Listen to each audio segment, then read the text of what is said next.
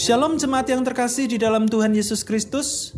Penuntun saat teduh Sinode Gereja Kristen Jakarta hari ini, Selasa 3 Mei 2022, judul renungan kita hari ini, Arahkan Hatimu, Nas terambil dari Sefanya pasal 2 ayat yang ketiga. Carilah Tuhan, hai semua orang yang rendah hati di negeri, yang melakukan hukumnya, carilah keadilan, carilah kerendahan hati, mungkin kamu akan terlindung pada hari kemurkaan Tuhan. Murka Allah atas Yehuda tidak bisa dibatalkan. Nubuatan ini banyak diberitakan para nabi termasuk Sefanya. Allah telah menetapkan waktu dan kepastian hukuman. Bangsa itu harus dihukum atas kemurtadan dan dosa mereka.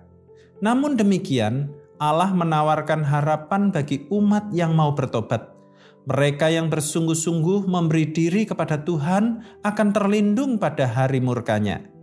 Dalam pengajarannya, Sefanya menasehati umat untuk memperdalam komitmen kepada Allah.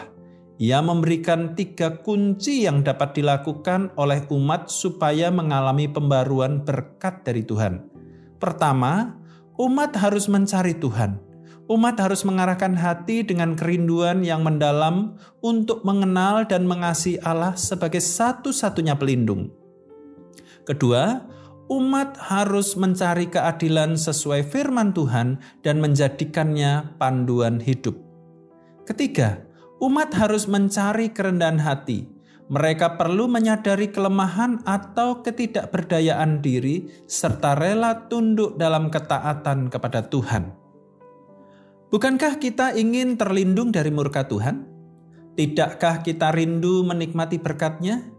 Jika jawabannya iya, maka panggilan pertobatan Sefanya berlaku juga bagi kita untuk bercermin. Kita dapat memohon kepada Roh Kudus untuk menolong, supaya relasi kita dengan Allah sesuai dengan yang dikehendakinya.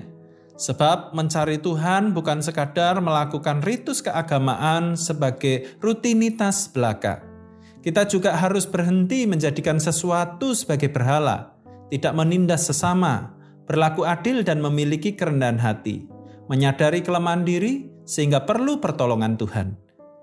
Mencari Tuhan, keadilan dan kerendahan hati memungkinkan kita beroleh kesempatan untuk terbebas dari hukuman Allah.